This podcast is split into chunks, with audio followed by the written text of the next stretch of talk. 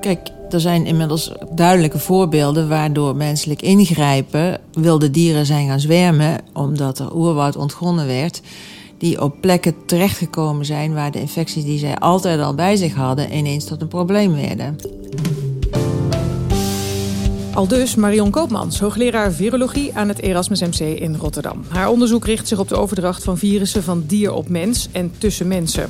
Marion Koopmans kreeg net als Beatrice de Graaf afgelopen september de Stevin-premie uitgereikt. Vrij te besteden aan onderzoek. Wat gaat ze doen met dat geld? Dat is de vraag die ze hopelijk zo meteen gaat beantwoorden. Bezoek onze website of volg ons op Twitter en Facebook voor meer verhalen uit de wetenschap. Mijn naam is Karin van den Boogaard. Naar Rotterdam ben ik gereisd om Marion Koopmans te spreken. Net als ik, een echt Limburgs meertje, geboren in Tegelen. Welkom in je eigen werkkamer trouwens, in Wetenschap en Nu. Hoe ben jij in Rotterdam terechtgekomen? Nou ja, via ik wilde diergeneeskunde gaan doen, dus dat ben ik ook gaan doen. Dan kom je in Utrecht terecht. Uh, daar vandaan heb ik uh, ja, wat over de wereld gezworven. Ik heb in India gewerkt, ik heb in de VS een aantal jaren gewerkt. En toen ben ik... Uh, bij het RIVM terechtgekomen en uh, aan virussen, het centrale Public Health Lab uh, van de virologie. En dan kom je natuurlijk meteen ook in contact met Rotterdam. Daar zat hier toen mijn voorganger. En ja, zo is het gekomen, zeggen ze in Limburg. Zo is het gekomen. Ja. En wat trok jou dan in die virussen? Want je hebt wat over de wereld gezworven, zeg je net. Je hebt een hoop gezien en gedaan, denk ik. Wat trok jou in die virussen? Nou ja, het is een uh, het samenspel tussen virussen, virusomgeving, mensen, dieren. Uh, dat is ongelooflijk fascinerend. Je ziet, in feite zijn we omgeven door allerlei virussen. Veel daarvan zijn totaal niet schadelijk. En toch gaat het af en toe goed mis. En wat je, wat je vooral, zeker met de kennis van de laatste decennia, ziet, is dat uh, virussen in feite regelaars zijn. Dus als een systeem uit evenwicht is, dan slaan virusinfecties toe. Dat zie je in oceanen, uh, dat zie je in ecosystemen, dat zie je ook bij, nou ja, bij ons, bij mensen. En dat fascineert mij. Hoe in het, uh, nou ja, ook in het samenstel tussen mensen en dieren, de interacties tussen mensen en dieren, maar ook in de veranderingen die optreden, ja, welke rol virussen daarin spelen. Dus eigenlijk zou je kunnen zeggen dat virussen een soort signaalfunctie uh, hebben. Eigenlijk wel. Dus de, uh, de problemen waar wij nu naar kijken, die zijn uh, ook echt toegenomen de afgelopen decennia. Daar kun je altijd van afvragen, is dat echt zo of kijken we beter? Maar er zijn wel redenen om aan te nemen dat het echt toegenomen is. En dat heeft te maken met de manier waarop de wereld ontwikkelt. Dus, en daar, ja, dus in feite de problemen die we zien, de nieuwe uitbraken, de nieuwe infecties, moet een soort uh, vlagje opgaan van hé, hey, wat is hier aan de hand en uh, moeten we dit zo wel willen? Eigenlijk moeten we ons daar dus ongerust over maken. Want zo'n nieuwe ebola-uitbraak nu in Congo, hè, as we speak, dat is dus eigenlijk heel verontrustend. Het is uh, een van de signalen dat, dat dit probleem inderdaad uh, toeneemt. Er zijn er veel. Er zijn veel uitbraken, vergelijkbare uitbraken geweest. Sommige wat kleiner, sommige wat groter. Maar het onderliggende thema is eigenlijk dat door de toch hele sterke toename van de bevolking, door de verstedelijking, uh, al die mensen willen eten, dus er komen steeds meer dieren, uh, productiedieren. Dat geeft uh, milieuverontreiniging. Dat is steeds lastiger uit oppervlaktewaters te houden. Dus je krijgt steeds meer impact van, het, van de mensen en van de ontwikkeling die wij, wat we met z'n allen ondernemen, op onze leefomgeving. En dat, dat komt bij ons terug in de vorm van virusinfecties van uitbraken. En daar moeten we iets mee. Dus dat, dat is op deze manier. Uh, uh, ja, kun je voorspellen dat we grotere problemen krijgen. En dat is ook precies waar ik met mijn onderzoek naartoe wil. Van waar zitten die problemen dan? Kunnen we daar kunnen we een soort onderliggende thema's herkennen en kunnen we dat gaan gebruiken om beter dan we nu doen te gaan signaleren in welke hoek, uit welke hoek we problemen gaan verwachten.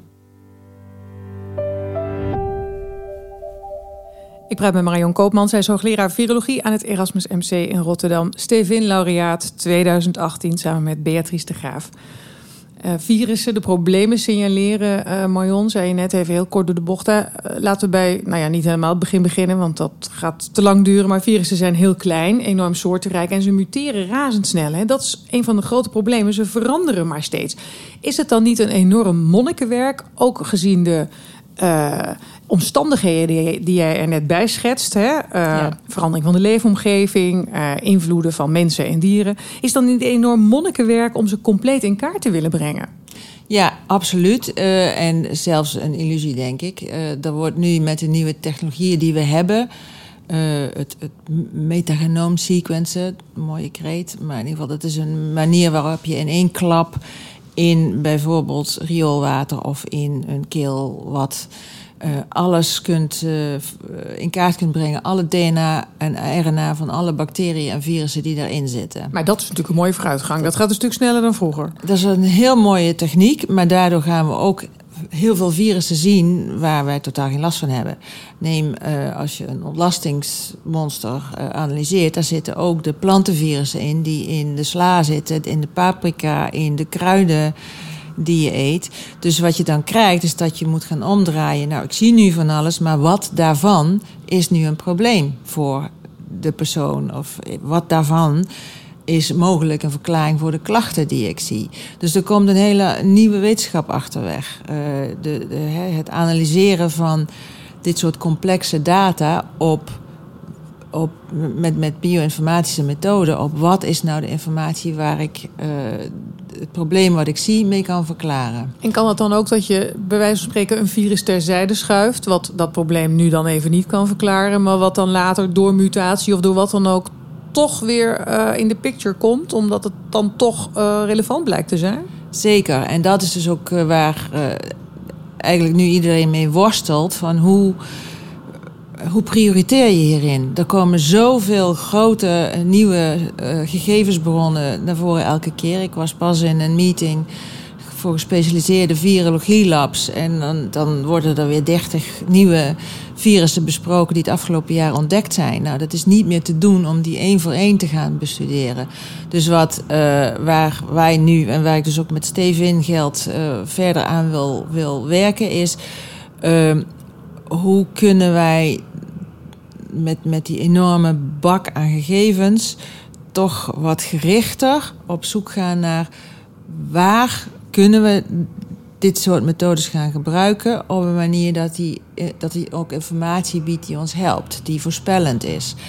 Um, en dat, want, want uh, dat is de stap waar we naartoe moeten. En dat is echt nog een zoektocht. Uh, dus hoe, hoe maak je chocola van al die data op een manier dat je ook kunt zeggen: Nou, hier moet je gaan meten en hier moet je dit gaan onderzoeken.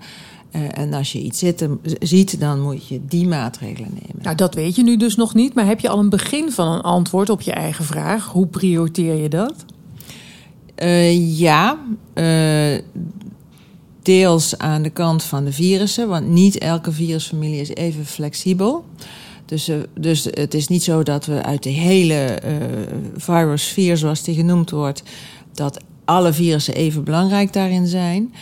Uh, dus aan die kant uh, proberen we wat verder uh, dingen te ontwikkelen. En deels dus aan de kant van wat zijn nou factoren die bijdragen tot uitbraken. He, dus, en, en de centrale term daar is verandering. Wat we zien is zodra je een snelle verandering ziet, bijvoorbeeld een hele snelle uh, groei van een stad in een gebied waar uh, met, met onvoldoende hygiëne mogelijkheden, met onvoldoende toegang tot schoon drinkwater, dan kun je er donder op zeggen dat daar problemen gaan ontstaan.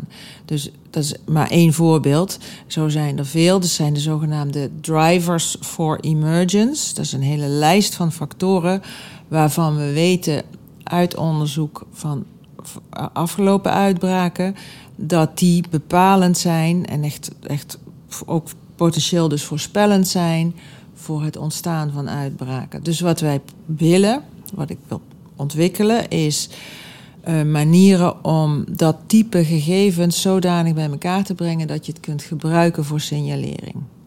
En je weet natuurlijk van, een, van veel virussen hoe ze muteren. Zijn dat dan dingen die je gaat combineren op die manier? Ja, dus ik kan een voorbeeld noemen van werk wat we doen in eh, Qatar. Wat uh, te maken heeft gekregen met MERS, coronavirus. 2012 ontdekt, uh, wat uit dromedarissen komt. En wat we daar met onderzoekers ter plekke hebben gedaan, is eigenlijk een hele reconstructie de afgelopen 30 jaar van wat is daar nou precies veranderd in dat gebied. Nou, en dan zie je dat daar een waanzinnig snelle toename van de dromedarishouderij is geweest. Doordat gas en olie is ontdekt, is die regio booming. Uh, dat trekt allerlei nieuwe industrie. Doha, de hoofdstad van Qatar, is gewoon een wereldstad bijna.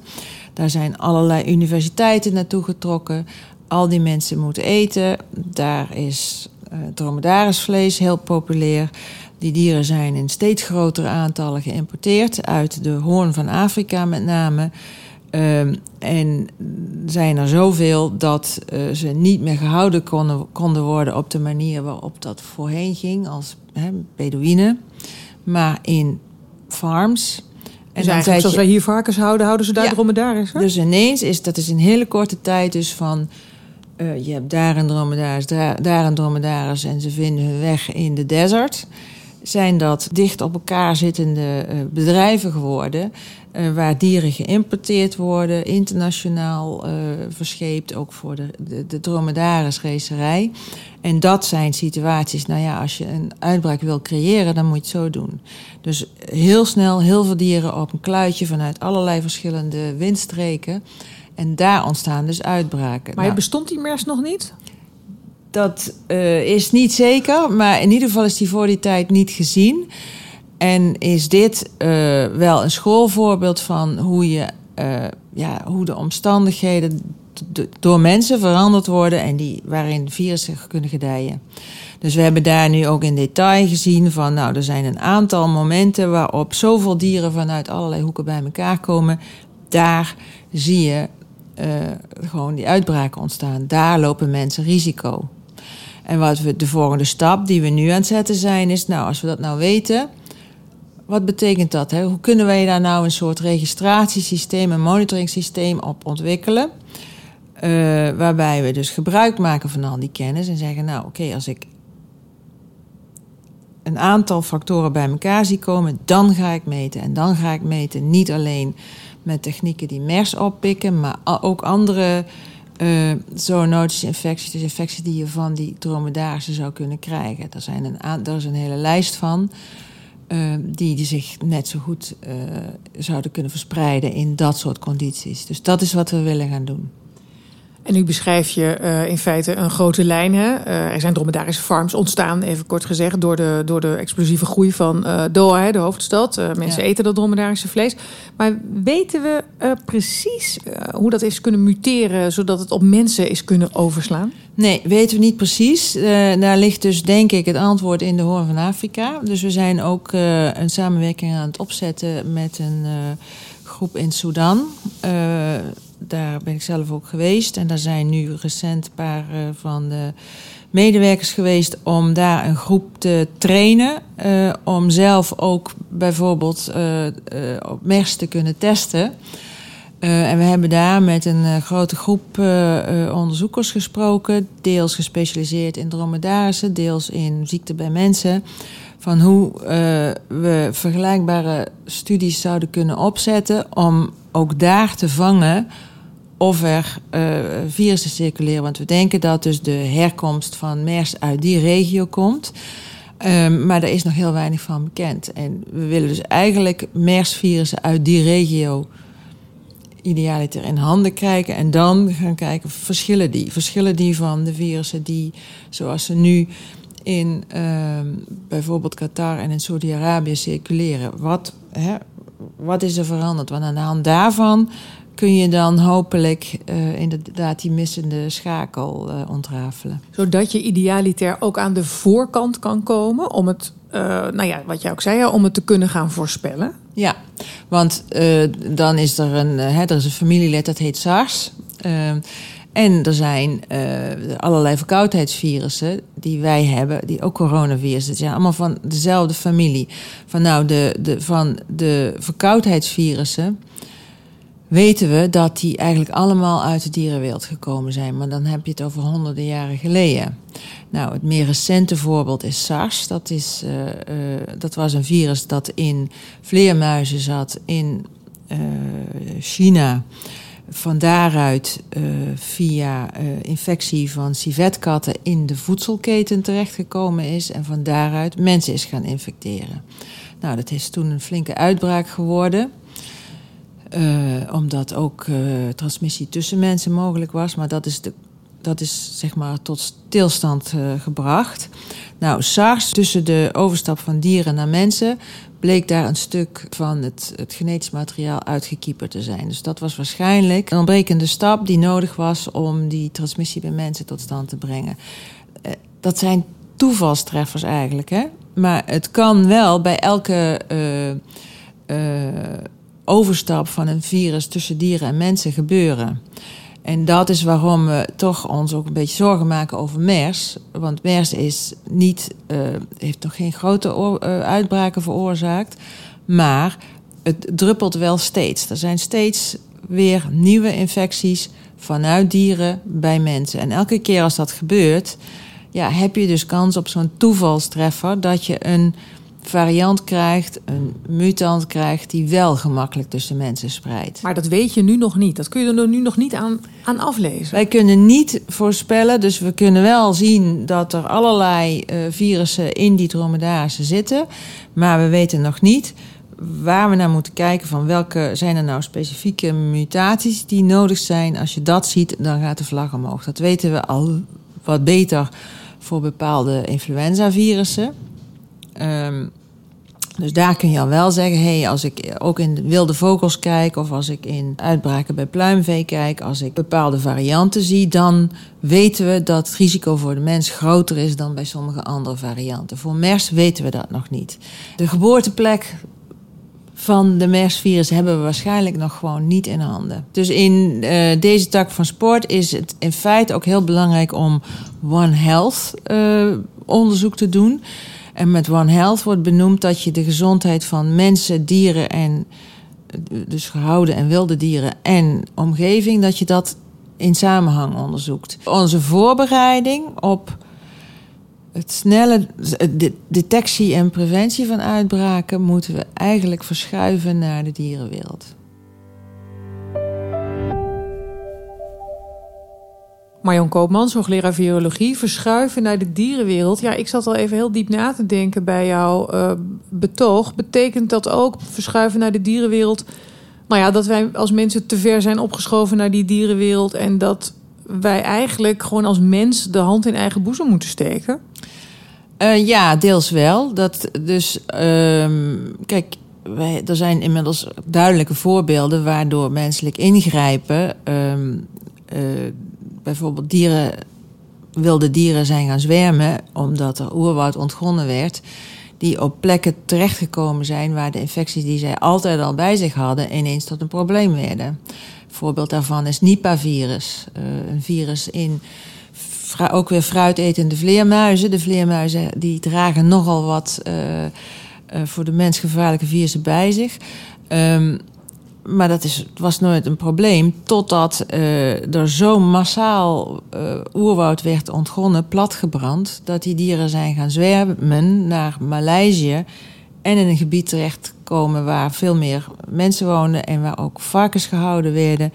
Die werden geïnfecteerd en daarvanuit de mensen geïnfecteerd. Enorme uitbraken. Dus wij moeten gewoon wegblijven? Ja, als je ecosystemen verstoort, dan kun je er donder op zeggen dat je ook problemen gaat krijgen met virusinfecties. Dat is dus ook wel het denken wat ik in uh, ons onderzoek wil hebben van hoe kan het dan wel? Je kunt dat ook naar Nederland projecteren. Nederland is ook een van de meest dichtbevolkte landen ter wereld. Uh, heeft een enorme uh, veehouderij. En we willen ruimte voor natuur en biodiversiteit. Dus in die zin zeg ik ook, we hebben een prachtig onderzoekslab in, in Nederland. Dus we moeten meer onderzoek soort, doen hier. Ja, vind ik wel. Aha, dus zoals de Q-koorts dus. Maar zou je die dan echt hebben kunnen voorspellen, denk je? Um, ja, uh, Drentse uitspraak is achteraf kijk je de koe in de kont. Um, dus, maar uh, wat in ieder geval bij de Q-koorts bijvoorbeeld uh, duidelijk werd... is dat we ons met z'n allen niet gerealiseerd hebben... hoe enorm die geitenhouderij was toegenomen. Echt enorm. En de vraag is of je niet inderdaad naar nieuwe vergunningen, als je nieuwe vergunningen afgeeft, moet gaan kijken, is hier nou een risico-inschatting gedaan van wat dit kan betekenen voor milieubelasting, voor infectiebelasting? Want als je ineens veel meer dieren gaat houden, uh, wat kan er dan gebeuren? Uh, dus dat soort denken moeten we naartoe denken, uh, wat, wat, mij betreft. Nou ja, we wijzen natuurlijk graag met de vinger naar andere landen, zoals je noemde het al, China bijvoorbeeld, waar ook heel veel mensen op een uh, kleine oppervlakte ja. wonen. Hè? Maar eigenlijk moeten we ook die hand in Nederland in eigen boezem steken, vind jij? Ja, dat, dat denk ik wel. Kijk, wij zien wat minder veel problemen en wat minder grote problemen, omdat natuurlijk wij een prachtige gezondheidszorg hebben. We hebben een heel hoog niveau diergezondheidszorg. Dus de kans dat het hier tot hele grote uitbraken komt, is niet zo groot. Maar uh, we moeten ook wel gewaarschuwd zijn met de Q-koorts.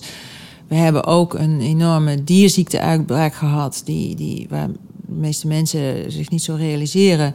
Dat heette Smallenberg. Dat was een infectie die via uh, knutten kon verspreiden, hè, bepaalde vliegjes. Dat is een enorme uitbraak geweest. Razendsnel, niet te stuiten.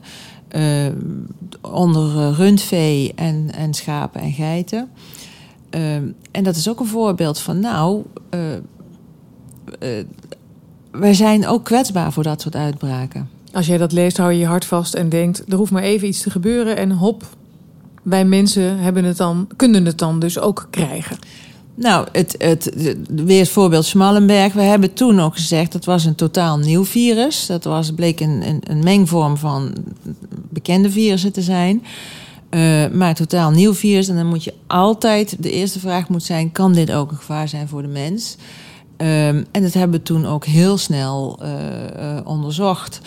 Want het was niet gering wat er gebeurde. Dat was in feite, ik noem het altijd de Zika van de rundveehouderij. Want er werden allerlei, het was echt een geboortegolf van allerlei ernstig afwijkende uh, kalveren en lammeren.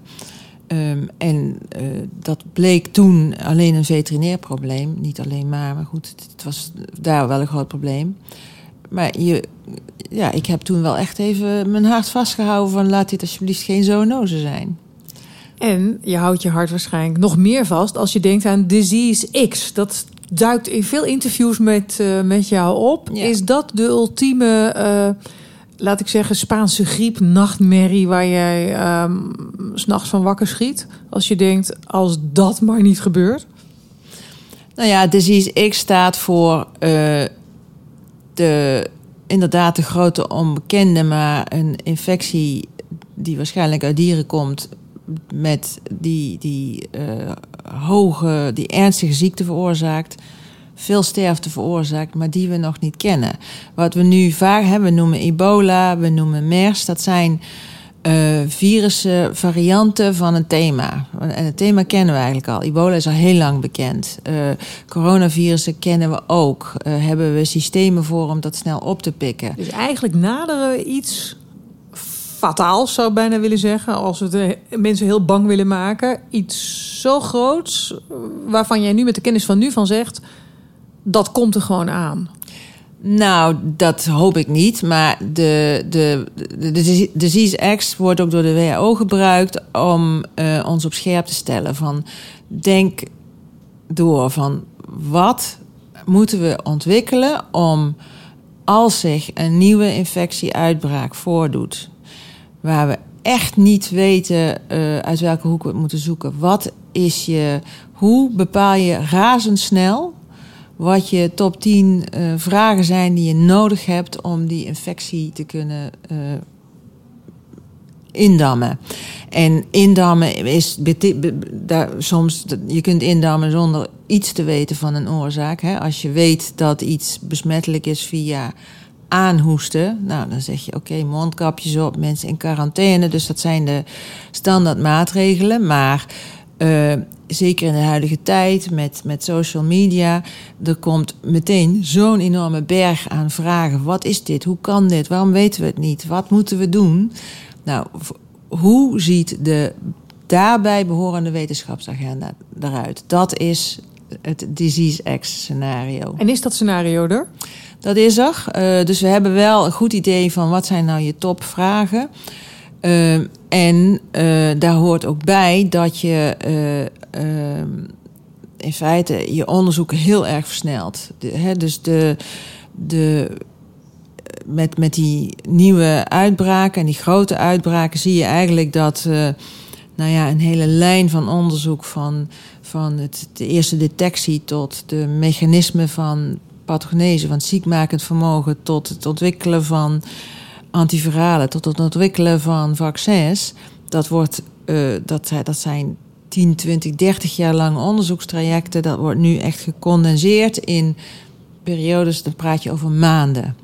En dat betekent dus ook dat daar uh, met de nieuwe technologieën die we hebben, de nieuwe platforms voor het doen van onderzoek, voor het karakteriseren van een immuunrespons, dat dat heel anders wordt ingericht. Uh, en daar zit enorm veel ontwikkeling nu.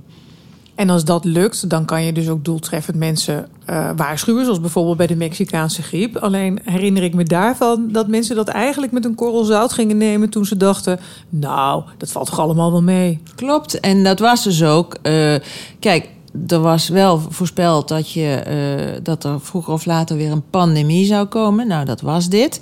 Een nieuwe griep uh, uit de dierenwereld.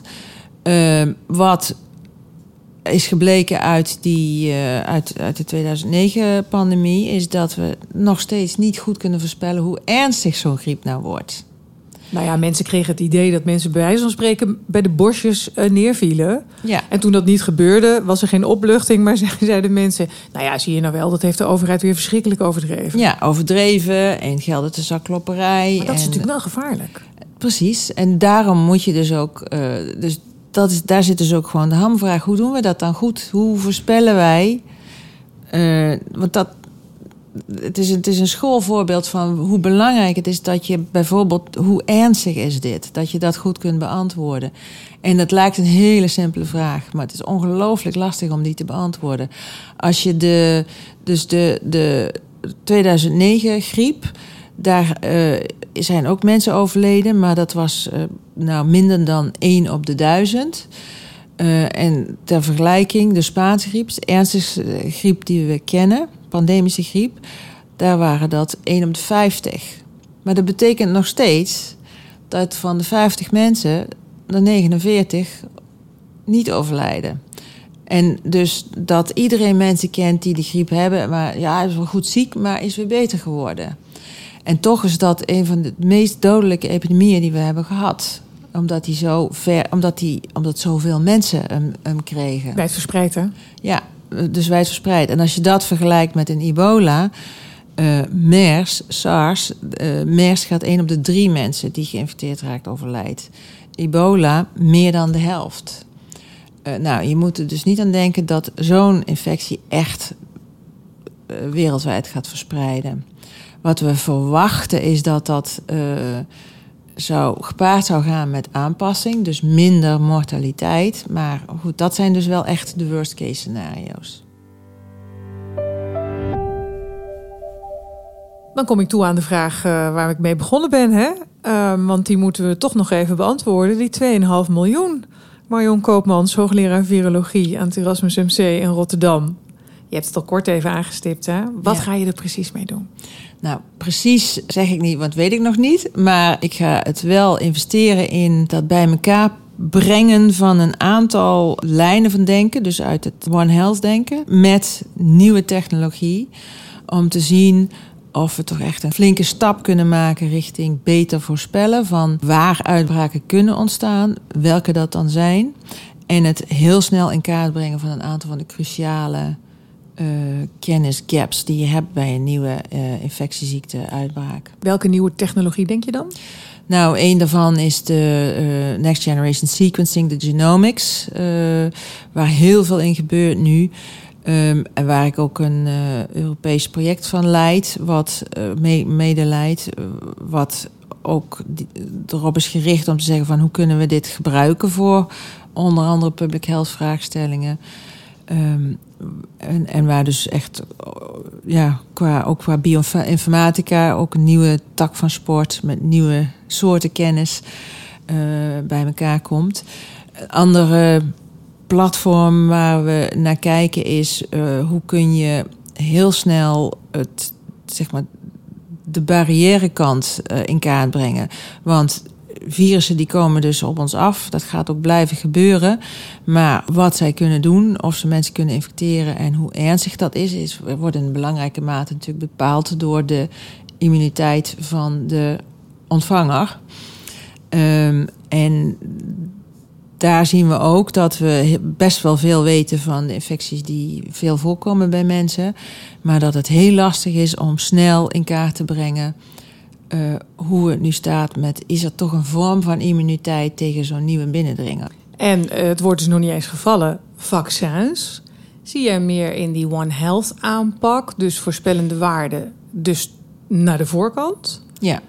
Of gaan we meer op het ontwikkelen van vaccins zitten? Of wordt het toch het midden allebei? Nou, ik, ik zelf zit meer op die voorkant. Uh, maar wel ook met het idee van dat je daardoor helpt om te zeggen van ja, maar deze, deze die, die is echt zo riskant. Daar moet ook gewoon geïnvesteerd worden in vaccins. Maar uh, uh, ik ben ervan over. Dus vaccins is een deel van het verhaal. Maar neem bijvoorbeeld weer MERS. Uh, ik ben ervan overtuigd dat je een, ook een hoop uh, circulatie van virus kunt voorkomen door die dieren anders te houden. Um, een van de plekken waarvan we weten dat er heel veel virus circuleert is um, in Qatar, de centrale markt. En wat daar gebeurt is iets wat je gewoon niet moet doen als je infecties wilt voorkomen. Namelijk, er worden dieren vanuit allerlei uh, verschillende gebieden bij elkaar gezet een maand lang. En dan pas worden ze of geslacht of naar de volgende plek gebracht. Doe dat niet. Doe dat gewoon gescheiden.